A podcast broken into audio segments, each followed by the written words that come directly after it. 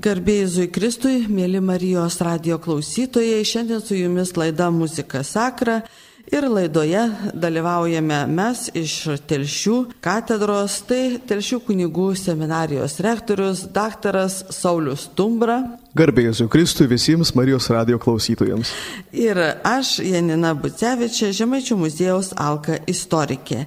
Ir šiandien apie liaudiškai pamaldumą Ir prisimindami tai, kas buvo praeitie, vis tik tai šiandien pagalvokime, o kaip tas mūsų liaudiškasis pamaldumas galėtų mums padėti šiandien ir ypatingai kaip ir popiežiai, tiek šventasis tėvas Jonas Paulius II, tiek popiežius e, Benediktas XVI ir dabartinis mūsų popiežius kalba apie būtinumą vėl iš naujo evangelizuoti žmonės, evangelizuoti Europą Taigi, kaip gražiai yra pasakęs ir kardinolas Ratzingeris, kad evangelizuoti reiškia parodyti šį kelią, išmokyti gyvenimo meno.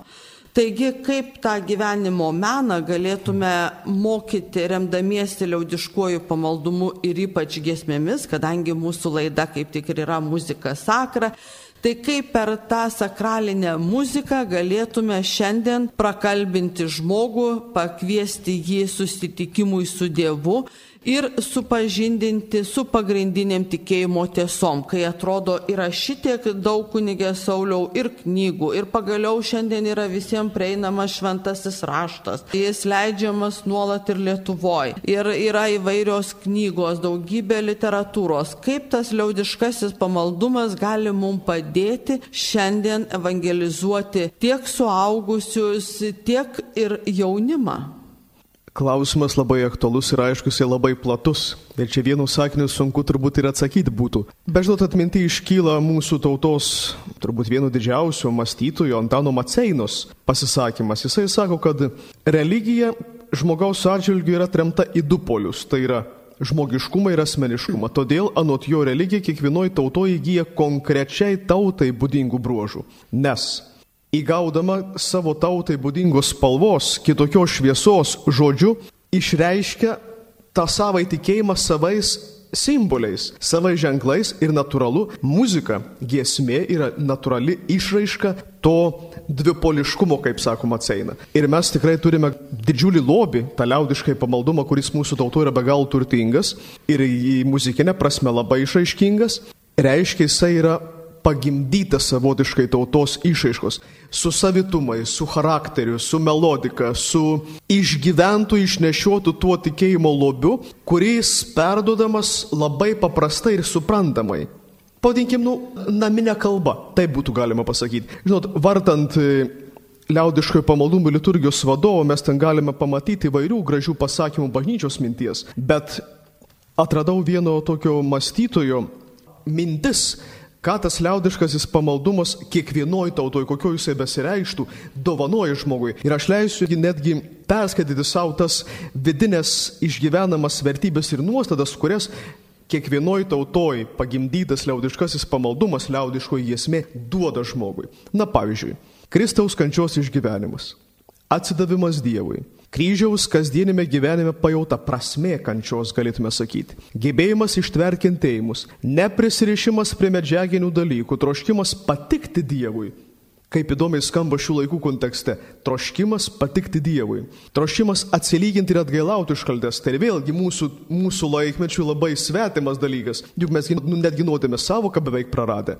Solidarumas su kitais ir atvirumas. Čia netgi noriu praplėsti liaudiškojo pamaldumo praktikos ir visos giesmės, jos nėra atliekamos, kaip pasakius, vieno, jos yra visos bendromeniškos. Kokį pobūdį be paimsi, ar mes mojavas paimsim, ar šelmenų dalykus. Visa tai yra atliekama bendruomeniai. Tai yra mums lygiai taip pat labai aktuolus dalykas šių laikų žmonėms. Toliau, draugiškumo ir meilės jausmas, šeimininės vienybės jausmas, kantrybė, Dievo baimingumas, tai šventosios dvasios taip pat dovana, atvirumas, pasiaukojimas, bendravimas su šventaisiais, taip, nes jų šventųjų giesmės užima lygiai taip pat labai didžiulę dalį ir visą liaudiškų kūrybą, anapusinio gyvenimo kontempliavimas. Vėlgi, kas jums reiškia, per tą praktikavimą tų liaudiškųjų pamaldumų mes reiškia labai gražiai išgyvenam tų dviejų dimensijų - sakrum ir profanum susiliejimą stovim čia galėtume sakyti, profanum, bet žvelgiam į sakrum. Reiškia, tas dvasingumas liaudiškasis, jisai mus kviečia tos anapusybės ieškoti. Ir turbūt ne, nepaslaptis kiekvienam didžiulė dovana būtų mirties slėpinio suvokimas.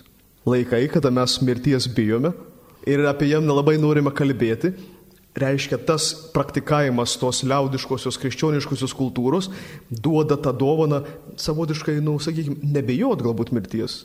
Ja matyti kaip amžinybės dovana. Taigi tos vertybės, kurias dovanoja mums liaudiškas pamaldumas, iš tiesų yra, kaip jūs ir sakėt, puikiai evangelizacinė dirba. Priemonė, kuri gali ir šiandieniam žmogui tiek jaunam ir senam, pabrėžiu, duoti didžiulį turtą ir atrasti vėl galbūt iš naujo dalykus, kurie pamiršti, nes juk kas juk yra evangelizuoti. Pasitelkti kasdienius paprastus dalykus ir jais perteikti suprantamą žmogišką kalbą amžinybės tiesas. Vatikano dvasingijos kongregacijos dokumentas apie parapijų atnaujinimą. Kardinolo stelos. Taip. taip. Tai ten, ją apibendrinant, galima faktiškai visą sakyti.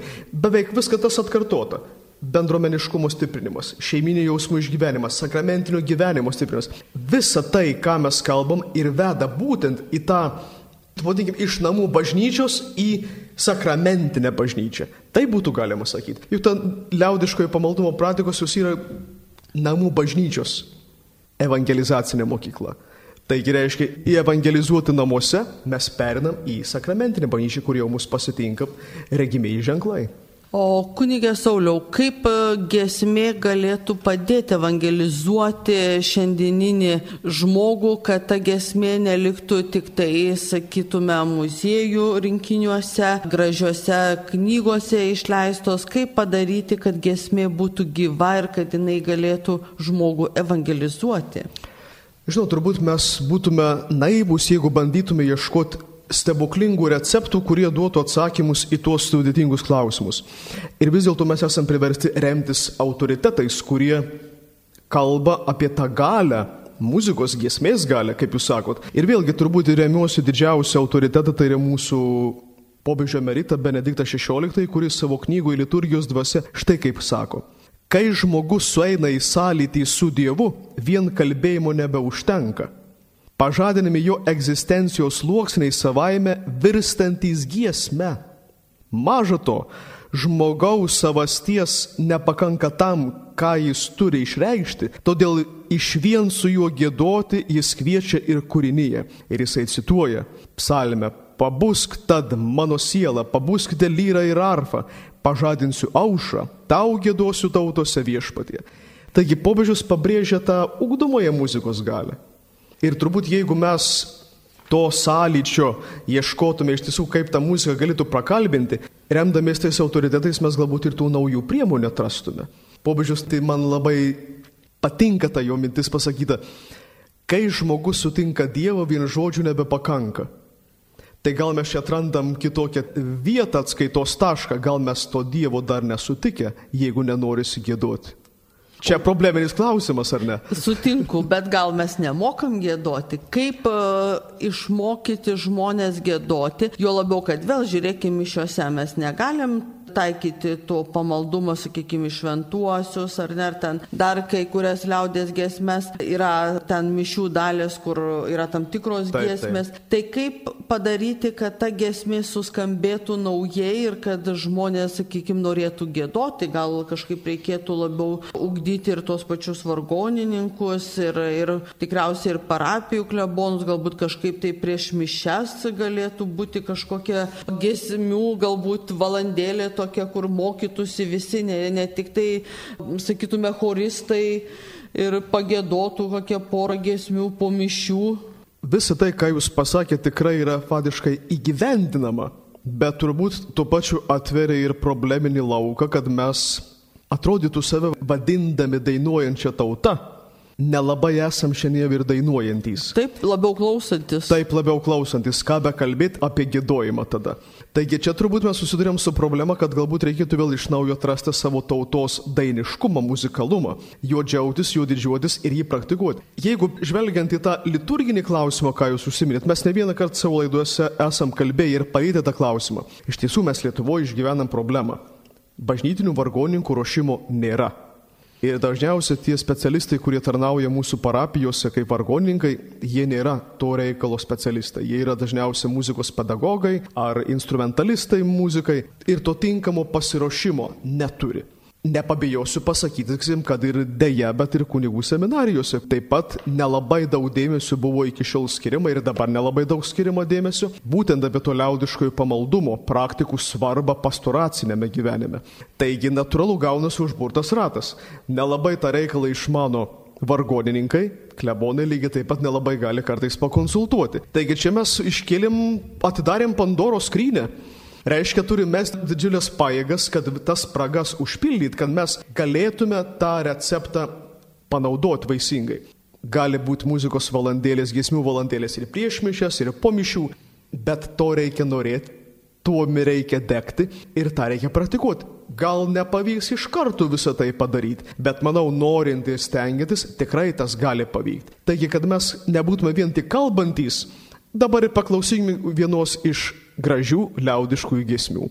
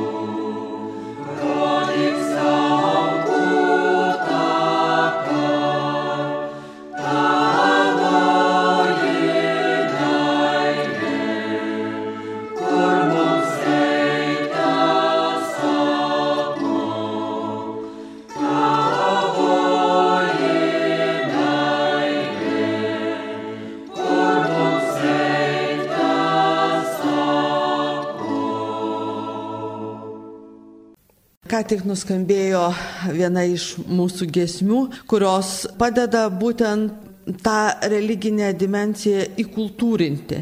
Tai kaip gesmė kunigė Sauliau gali padėti žmogui suvokti Dievą, kaip jinai gali evangelizuoti? Žinot, pradedant atsakyti jūsų klausimą, čia turbūt reikėtų galbūt vieną tokią labai svarbią savoką paliesti, kurią labai labai labai mėgo šventasis popiežius Jonas Paulius II, tai yra įkultūrinimo samprata. Būtent ta samprata, ta savoka labai gražiai ir išsiskleidžia tame liaudiškajame pamaldume ir gėdojime. Bet kas tai yra? Tai reiškia, kad tas įkultūrinimas mes įsuprantam, sakysim, kaip Evangelijos sėklos pasijimas toj konkrečioj kultūroje, kur gyvena konkreti tauta. Šiuo atveju Lietuva tėvynė mūsų. Tai reiškia, tas evangelinis žodis skridęs į mūsų tautą, jisai užaugo lietuviškas evangelijos spalvom, taip galėtume netgi pasakyti. Tas įkultūrimas reiškia yra apsireiškimas būtent tomis lietuviškais ženklais, lietuviškomis melodijomis, mūsų tradicijomis.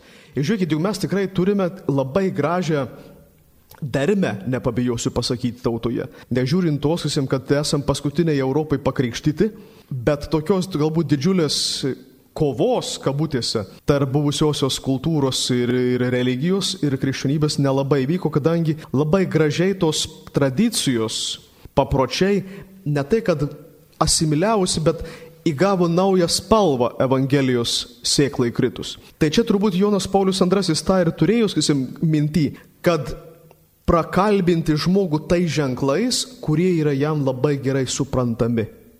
Įkultūrinimas. Reiškia, prakalba tai tautai būdingai žodžiais, būdinga muzika, būdingomis tradicijomis. Ir mes patys turbūt labai gerai tą suprantam, kai išgirstam pažįstamus melodijos garsus, o čia kažkas savo. Nepamenu, ar aš esu kalbėjęs Marijos radio klausytojams apie tą tokį atvejį, kurį teko patirti labai pačiam gyvai. Tai vyko Briuselėje. Buvo Europos katalikų viskupų konferencijos organizuota konferencija krikščioniškoms vertybėms Ir man teko garbė atstovauti Lietuvą, pristatyti kaip unikaliausią pamaldumo praktiką ir tą krikščionišką vertybę nematerialaus paveldo, tai būtent Žemaičių kalvarijos kalnų gėdojimo tradicija. Ir pamenu po to apibendrinant konferenciją, kalbėjo paštalinis nuncijus prie ES, dabar nepamenu jo vardo pavardės, bet jisai tokią frazę pasakė apie būtent mūsų melodiją. Sako, mes, sako, girdėjom Lietuvos atstovų pristatymą apie jų gėdojimo tradiciją. Sako, mes galbūt nelabai supratom žodžius, kas ten buvo gėdama tose giesmėse, bet sako, man išgirdus pirmosius akordus tų giesmių, aš atsiminiau vaikystę, kaip mama malupšinį dainuodavo. Pagalvokit, tai reiškia, netgi kitos tautos žmogui ta liaudiškoji giesmė, liaudiškasis muzikinis aparatas, galėtume sakyti, nukelia prie prigimtinių dalykų. Prakalbina net nesuprantant žodžio, Muzika prakalbina ir sugražina prie ištakų, galėtume sakyti. Tai reiškia, tas įkultūrimas šimtų procentų puikiausiai pavykęs. Jisai duoda gyvą rezultatą. Ir mes tikrai to galime didžiuotis, bet ir vėl didžiuotis, džiaugtis, bet tuo pačiu esame savotiškai ir pareigoti, nu nepabijokim to, iš naujo tai atrasti. Tuomi dalintis ir netgi savotiškai tuomi degti savotiškai netgi fanatais patapti ir nepabijoti to viso to praktikuoti. Pakartosiu mintį, kuri nuskambėjo vienoje iš laidų. Mes turime didžiulį paveldą liaudiško gesmino. Mes turime Lietuvoje puikiausių kompozitorių, kurie be galo talentingi yra. Ir dar kartą kartuoju, mėly muzikai, mėly muzikos kuriejai, paimkite liaudiškasis giesmes harmonizuokit, pritaikykit chorams, pritaikykit kaimų bendruomenėms, kaimų mažiems choreliams, kad jie klausydami, kad jie galėtų dviem, trim balsais tas giesmės gėdoti. Taip mes tą liaudiškąją melodiją, tą mūsų įkultūrintą Evangelijos sėklą, ne tai, kad iš naujo pražydinsim, bet mes duosim savo didžiulę jėgą, evangelizacinę ir tikėjimo tą sėklą, kad ją praktikuodami, ją gėdodami, galų gale mes turtinsim patys save ir praktikuosim mūsų kultūrą, o ne kažkokią atvežtinę ir kartais labai dažnai netgi labai menką vertę. Taigi tas aspektas yra labai svarbus, kad mes brangintume tą įkultūrintą evangelinę sėklą, peraugusią tikėjimo sėklą per mūsų namus, per mūsų kultūrą. Ir ją netgi didžiuotumės, nes mes tikrai turim labai gražaus paveldo. Tik reikia vėl iš naujo tą lobio skrinelę praverti ištraukti visą tai, nuvalyti galbūt dulkes ir gyventi ją. Ir dar manyčiau labai svarbu, kad kai kurios giesmės būtų pritaikytos ir jaunimui, ir taip, vaikams. Taip. Nes irgi per tai jie galėtų būti evangelizuojami labai paprastai, suprantamai ir jiems artima kalba, kad, sakykime, šio laikinė, netgi, va, matau pas jūs kunigė Sauliau atverstą gesmyną, kur labai gražus yra katechetinis aspektas. Ir taip sakyčiau, labai žaismingai, net keista, kad kadaise taip žaismingai būdavo perteikiamos tikėjimo tiesos. Žinot, mėly Janina ir mėly Marijos radio klausytojai, mano rankos yra tikrai nuostabus giesminas, kuris yra išleistas nuostabaus liaudiškojo gėdojimo ir maldos kolektyvo Karunka. Ir jame yra, net nežinau kaip pasakyti, giesmė ar daina, ar žaidimas, kuris vadinasi Oi tu žekel žekelali. Dar iš karto atsiprašau, kunigė Sauliau, pasakysiu, kad žekel mes čia bandėm aiškintis, kad tai turėtų būti kaip mokytojas, kaip Taip, kaip vadovas. Matot, jau yra atotrukis, mes ne visus netgi žodžius, bet Taip. suprantam, kaip mūsų protėviai kalbėjo. Arba net yra tam tikros vietovės Gali būt, pavadinimas, o kitų vietovių jau ir nesupranta. Tai vėl yra labai gražu, kad mūsų tauta yra tokia turtinga, nors mes atrodo maži, bet turime tiek labai skirtingų regionų ir tų kalbų ir potarmių, tai kad e, tikrai galime didžiuotis. Tai atsiprašau, tai pristatykit labai šitą tokią su, su, ta, su ta giesme. daina. Su ta giesme daina, žinau, kad aš atsimenu, kai išgirdau ją pirmą kartą, galvoju, kas per turtas buvo ir per išmintis mūsų protėvių, kad jie sugebėjo tiek daug žaismingumo, išminties ir tikėjimo perlų sudėti į keletą posmų, kur tiesiog žaisminga forma yra perteikiamos svarbiausios tikėjimo tiesos. O istorija buvo tokia, kaip ta gesmė atėjo faktiškai į mano netgi disertacinį tyrimą.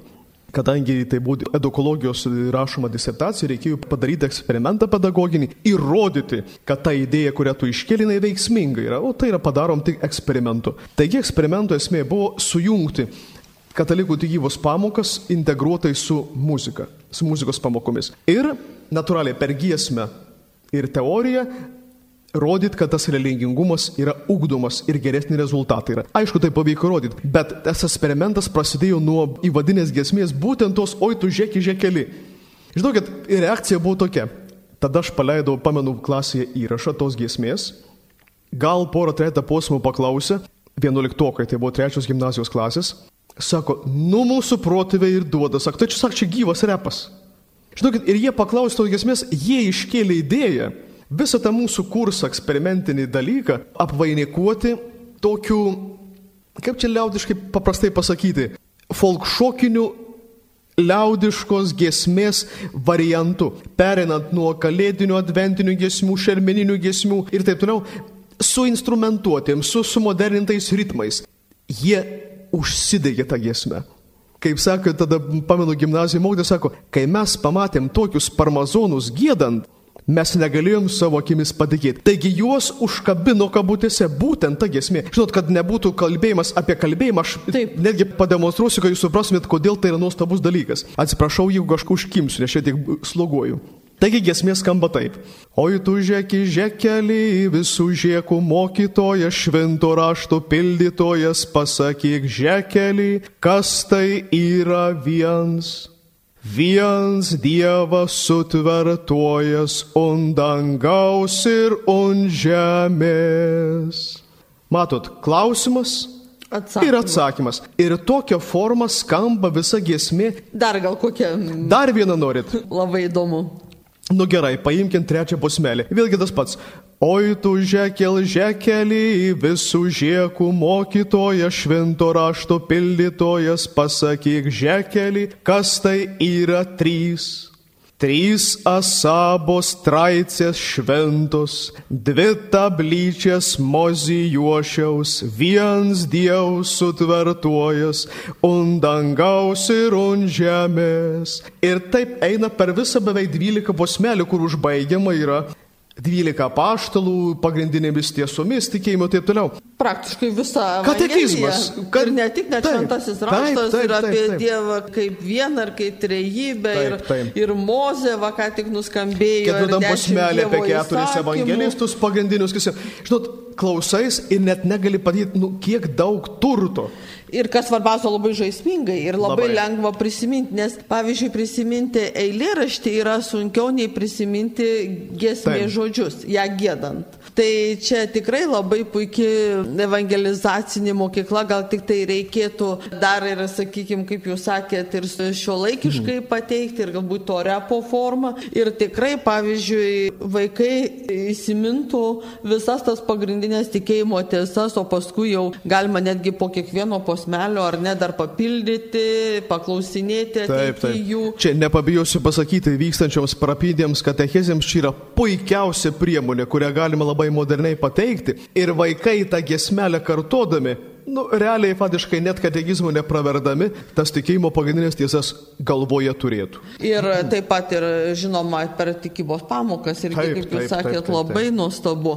Taigi mūsų giesmės yra tikrai nuostabus lobynas, kuris padeda ne tik evangelizacijai, bet ir katechizacija ir kaip tik tai dar labai gražiai nuskambėjo jūsų čia žodžiuose, prisiminėt e, Briuselį ir žinoma Žemaičių kalvarijos kalnus, kurie dabar įtraukti į mūsų nematerialaus paveldo e, sąrašą Lietuvos ir žinau, kad čia yra didelis jūsų kunigė Sauliau nuopelnas ir dabar yra siekiama, kad tai būtų įtraukta ir į pasaulio paveldą. Tai vėl ten yra taip pat labai graži evangelizacijos e, mokykla. Ir kas svarbiausia, kad Žemaičių kalvarijos kalnai yra sujungti dar ir su veiksmu.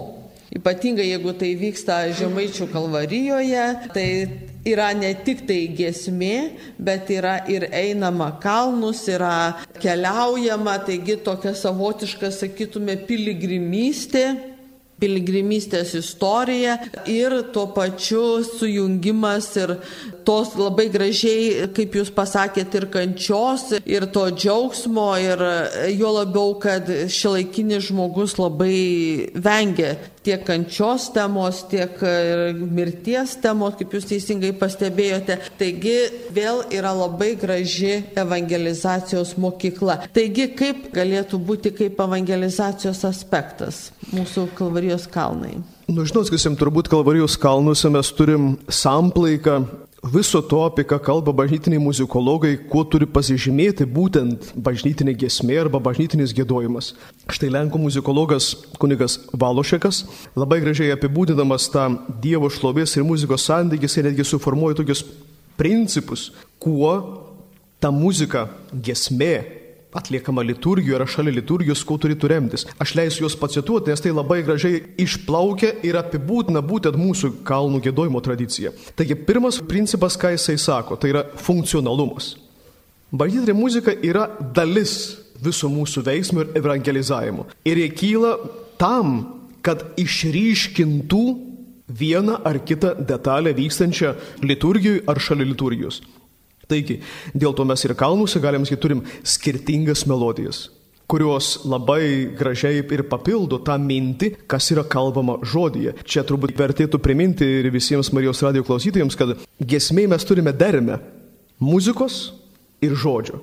O žodis sujungtas su tinkama melodija, tai yra su muzika, jisai turi be galo didžiulę jėgą ką mes ir turim savo tam liaudiškajam pavelde. Antras principas, kurį iškelia muzikologas, tai yra suprantamumas ta muzika, jinai padeda lengviau suprasti tą Dievo žodį. Taigi ir kalnus mes, ką mes apgėdam? Mes negėdam apie kažkokias nesuprantamas materijas. Labai paprastai ir konkrečiai yra apkalbama, apgėdama Jėzaus kančia einant nuo vietos vietos į kitą. Taigi, suprantama melodija, su suprantamu žodžiu, su jinai, jinai padeda įsisavinti visą tai. Turbūt ir, ir ne vienas iš kalnų grįžęs, galbūt mintys ir skamba viena kita melodija, vienas kitas gesmės posmelis. Pavyzdžiui, mano mažo, nuo mažos vaikystės, kasim, šlubirai ši, kur tie aklis, kasim, net nelabai galbūt atsimenu iš kokio ten posmas, kas yra gesmė, bet tas posmas, matai, išlubira iš kur tie akli malonė tavo stebėsi. Skamba, skamba ir skamba. Ir tu suvedi, kad tai yra būtent su žemaičių kalvarija. Toliau, komunikavimas. Aš jau šiandien minėjau, muzikos ir liaudiško gėdojimo paskaitis būtent yra, yra bendruomeninė. Tai reiškia, jinai apjungia visus tos dalyvius į vienetą ir padaro ne žiūrovais, bet padaro dalyviais, kas yra labai labai labai svarbu. Ketvirtas principas - tai vis dėlto yra objektivumas arba objektas. Tos mūsų vat, giesmės, apie kurias mes kalbam, jos būtent turi savo objektu, taip muziškai, teoriškai sakant, viešpat Dievą. Tai reiškia tikslas nepamestas. Todėl ir muzika kreipia visą tą savo jėgą link to link viešpaties. Ne apie savo dienelės galbūt ar kažką, bet žvelgiant į Dievo perspektyvą, muzikai padedant išgyventi tą savo gyvenimo. Ir aišku, atvirumas žodžiui. Labai šiandien mes turbūt galim dažnai padėjuoti, kad kūrimos galbūt naujos giesmės ne visada jos yra atviros tam Dievo žodžiui. Dažnai būna, nepabijosiu pasakyti, ir menkavertiška kūryba, kuri nelabai yra viešpati Dievo orientuota ir nelabai pakilėja jau netgi tą žmogų. O to, ką be kalbėti apie turinio suteikimą. Taigi, kartais reikėtų galbūt praversti ir kuriejams keletą gerų vadovėlių kompozicijos ir muzikos, bažnytinės muzikologijos teorijos vadovėlių, kad nenuklyst nuo tikslo, kam ta muzika kuriama šiandien yra. O jeigu nenorim kurti, tai remkime to, kas yra padaryta. Vėlgi grįžtant prie mūsų liaudiško pamaldumo, kuris yra neblėstantis lobis, be galo turtingas ir jame visą tai išsipildo. Ir bendruomeniškumas, ir tas komunikavimas, visa tai yra. Taigi, jeigu mes tą lobį turim, mes ir gražiai tą evangelizacinę sėklą nešam, nes tai yra savotiškai prikelta tas, kas sena ir naujai šiandien žmogui ištransliuota. Taip galėtume sakyti. Taip, tai galime tik tai rezimuoti, kad liaudiškasis pamaldumas yra neblėstantis lobis ir ateities evangelizacijai, kad žmonės jiems suprantama kalba būtų perteiktos svarbiausios tikėjimo tiesos. O dabar vis tik tai gal grįžkime dar ir prie šventųjų. Irgi mes jau kalbėjome, kad jie padeda mums suvokti ir, ir Dievą, ir tą gyvenimą daro artimesnį, galbūt jų gyvenimo kažkokie aspektai susilieja su mūsų ir mes pamatome, kad tikrai nesame vieni, kad jau prieš tai gyvenę žmonės išgyveno ir tos pačius džiaugsmus, ir tos pačius vargus, ir kančią, ir džiaugsmą. Kaip galėtume šventųjų tą kultą integruoti į naująją evangelizaciją būtent per per liaudiškai pamaldumą, per giesmę? Na, visų pirma, turbūt galėtume teikti dar, kad vis dėlto tas šventųjų kultas arba šventųjų buvimas mūsų gyvenime, jisai vis dėlto dar yra. Ir galime džiaugtis, kad ir, kad ir krikštijant vaikelius tėvai nepabijo parinkti ir švento vardo, jeigu ne pirmą, tai bent jau antrą vardą. Ir tikrai kartais pasidomi to šventojo gyvenimo istorija visai neseniai pačiam teko krikštyti mažą vaikiuką, mergaitę, kuriai tėvai parinko nuostabą vardą Patricija. Sakau, žinokit, ne, neištvėriau nepaklausęs, kodėl parinkot būtent tokį vardą. Ir tėvo atsakymas, nu tiesiog širdį paglosti. Sako, mes pasidomėjom to šventosios gyvenimo istoriją. Kaip ji būdama jauna nepabijojo savo tikėjimo ginti, už jį mirti. Sako, žinot, mes norėtume, kad mūsų vaikas būtų lygiai taip pat drasus savo įsitikinimuose. Kokia puikia motivacija. Kokia puikia motivacija. Žinot, ir kitas aspektas, jau tie šventieji dar jie namuose, žiūrėkit gyvi. Ir tai yra čia per liaudiškai meną, tai naktysim galime džiaugtis, kad ir mūsų liaudiškai skulptoriai, taip toliau drožėjai, nepabijo įsileisti savo darbą ir šventųjų, sakysim, kuriuos ir drožinėjai, sakysim, ir mielai mūsų tikintieji įsigyja ir savo namuose turi tos saudangiškos globėjus. Taigi, grįžtant prie konkrečiai prie jūsų klausimą, sakysim, kaip tie šventieji galėtų gyventi toj evangelizacijoje, sakysim, toj kultūroje. Atsakymas galėtų. Bet turbūt ir vėlgi čia reikia mums patiems įdėti labai nemažai pastangų, kad tuos šventuosius padaryti ne kažkur gyvenančius anapusybei, bet padaryti juos mūsų gyvenimo herojais, tais, kurie gali tą pavyzdį parodyti, kaip tas tėvų pasakymas. Taigi mes, jeigu apsižvalgykime vien per mūsų pažįstamus šventuosius palaimintuosius, kad ir mūsų tautos, tas pats šventas Kazimieras. Taigi evangelizacija, tai jo juk yra gesmė, aus Marija rožiugyje kuri tikrai, pripažinkim, pakankamai retai skamba mūsų bažnyčios. Bet labai gražiai. Nuostabi, bet į tai ir vėl mes pamiršom savotiškai. Taigi šventojo giesmė, pavadinkim, parašyta, kuri nukreipta vėlgi į švenčiausią mergelę Mariją. Taigi, kad ir papatas šventojo Kazimiero pavyzdys mums rodo pamaldumą švenčiausiai mergeliai Marijai, kuri yra bažnyčios motina, kuri yra mūsų globėjų užtariai, kuri nėra Lietuvoje beveik viskupijos, kuri neturėtų didesnės šventovės skirtos būtent mergelės Marijos garbė. Tikriausiai visos viskupijos. Turbūt visos, tai man atrodo taip, sakysim, jeigu neklystų. Taigi, paprastą šventai paėmėm, paimkim gerai, sakysim, mūsų palaimintuosius, arkivyskupą Jurgį Matulaitį, Teofilių Matulionį. Ir mes pamatysim, kiek jų gyvenime tas šventųjų išgyvenimas buvo labai savitas, atidėštas iš namų, Galbūt patirnėje atrastume, sakysim, ir jų santykis, sakysim, su, su jų kažkokiamis darybėmis herojiškomis, kurios juos įkvėpė iš tų šventųjų pažinimo išgyventi savajam gyvenime. Taigi, kad tie šventieji taptų savi, turbūt reikia mums patiems pastangų nemažai įdėti ir katechetams, ir parapijų kunigams tam, kad juos prakalbinti naujai. Kad jis, kad jie nebūtų storose knygose uždaryti ir anapusinio tik gyventojai, bet kad jie būtų čia ir dabar kalbantis su savo gyvenimo istorijomis, su savo patirtimis ir nepabijokim to tuo herojiškumu. kurio šiandien turbūt mums pakankamai kaip gero pavyzdžio, na, šiek tiek ir stinga, man atrodo. E, juo labiau, kad e, tikrai mūsų visuomenė išgyvena autoritetų krizę ir kai kada čia specialiai yra stengiamasi sumenkinti asmenybės Galbūt taip lengviau valdyti žmonės, bet mes vis tik tai turėtume vesti prie to, kad e, žmogus gali padėti kitam žmogui ir gali būti autoritetas. Galime parodyti ir tam tikras jų silpnybės, bet kaip jie su jomis kovojo ir vis tik tai sugebėjo su Dievo pagalba jas įveikti ir tapti vienu iš pavyzdžių mums kelyje link dangaus, link savo asmeninio šventumo šventumo. Taip, labai teisingai. Žinot, atminti iškyla vokiečių muzikologų bažnytinių tokia kaip ir analizė padaryta apie tos liaudiškosios muzikos poveikį ir kaip jis gali sąveikauti, stiprinant tą būtent tautinį religinį tapatumą. Ir aš keletą punktų galbūt ir,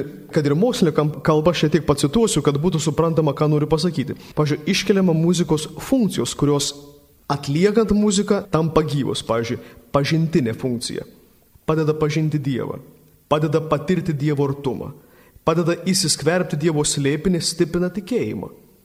Ar mums to šiandien reikia? Reikia. Antra funkcija - religinė saviraiška, kaip savęs aktualizavimas, savo tapatumo išgyvenimas. Ir vėlgi mes matom, suartina su Dievu, nukreipia žmogaus dvasę Dievo link, padeda įgalinti maldą, padeda šlovinti, garbinti Dievą puikios savybės. Bet kad jos būtų gyvos ir vėlgi mes grįžtam prie to, turbūt tos gyvybės pirmiausia reikia mums patiems. Tos gyvybės reikia mums patiems ir nesakyti, kad, kad tai yra vakar dienos reliktai. Liaudiškais pamaldumos, tai liaudiškos pamaldumo praktikos ir tos nustabiosios mūsų giesmės. Ne, tai yra gyva praeitis kuri šiandien išgyvenama gali labai ir labai prakalbinti žmonės. Bet čia ir vėl grįžtam prie to probleminio klausimo, mums reikia pastangų link to judėti. Galbūt iš naujo pažinti tą lobį, su juo susigyventi, jį pamilti ir tada naudot kaip evangelizacinė priemonė, kaip katechetinė priemonė. Gal tada ir vadovėlių mažiau reikės rašyti, kada praversim tą didžiulį liaudiškai pamaldumo lobio skrynę. Tai tikrai galime šiandieną laidą muziką sakrą ir baigti šitais labai gražiais jūsų žodžiais, kad liaudiškasis pamaldumas jis neprarado aktualumo ir tai, kas buvo aktualu ir anų laikų žmonėm, yra aktualu ir šiandieninėms, ir ateities kartom, nes žmogaus ryšys su Dievu, su vienas kitu, jis visada yra aktualus. Ir nesvarbu, ar žmogus e, pasiekė ir kosmosą, ir ten Marsą ir taip toliau, bet jam vis tik tai dvasia skauda ir jam vis tiek reikia šalia esančio žmogaus ir reikia Dievo artumos, o tai gali padėti išgyventi būtent e, ir ypatingai ir gesmė, ir kitos liaudiškojo pamaldumo formos. Ne tik tai, be abejo, tos knygos, kurios yra parašytos, kurios maitina mūsų protą, be abejo, šventasis raštas, bet ir per kalbą, per giesmę, per jausmus mes taip pat galime sutikti ir pažinti dar giliau viešpati Dievą. O tai tikriausiai Ir yra šios laidos uždavinys. Labai džiugu, kad yra tokia laida, kad skamba muzika, o ateityje manau, kad tas jūsų paraginimas irgi virs tuo, kad bus seminarai tiek vargonininkams, tiek įvairiems chorvedžiams, o taip pat manau, kad ir išgirdę ir kompozitoriai harmonizuos tas mūsų nuostabes gesmes ir pritaikys šio laikiniam žmogui suprantamais ritmais. Ir žinoma, Taip pat ir kunigai kartu su parapiečiais prisidėdami prie naujosios evangelizacijos nepamirš ir senųjų liaudiškojų pamaldumo formų. Užbaigdamas savo pasisakymą, nu, negaliu tiesiog nepacituoti mylimo popiežiaus Benedito XVI, kuris taito apvainikuodamas mūsų šiandienį pokalbį sako apie giesmę, apie muziką štai taip. Muzika gali atverti širdis ir protus į dvasinės dimencijas ir pakelti žvilgsnius į aukščiausią gėrį ir grožį. Taigi to ir palinkėsiu Marijos radio klausytojams ir visiems, kurie girdit mus šią valandą, te bus tos mūsų širdis pakeltos link viešpaties, nuostabių mūsų liaudiškojo pamaldumo praktikų ir giesmių dėka. Mėly Marijos radio klausytojai, mūsų laikas išseko, o šiandien su jumis laidoje buvo Tilšių kunigų seminarijos rektorius, daktaras kunigas Saulis Stumbra. Garbėjus Kristui. Ir aš, istorikė Janina Bucevičia. Likite sveiki ir gėdokime.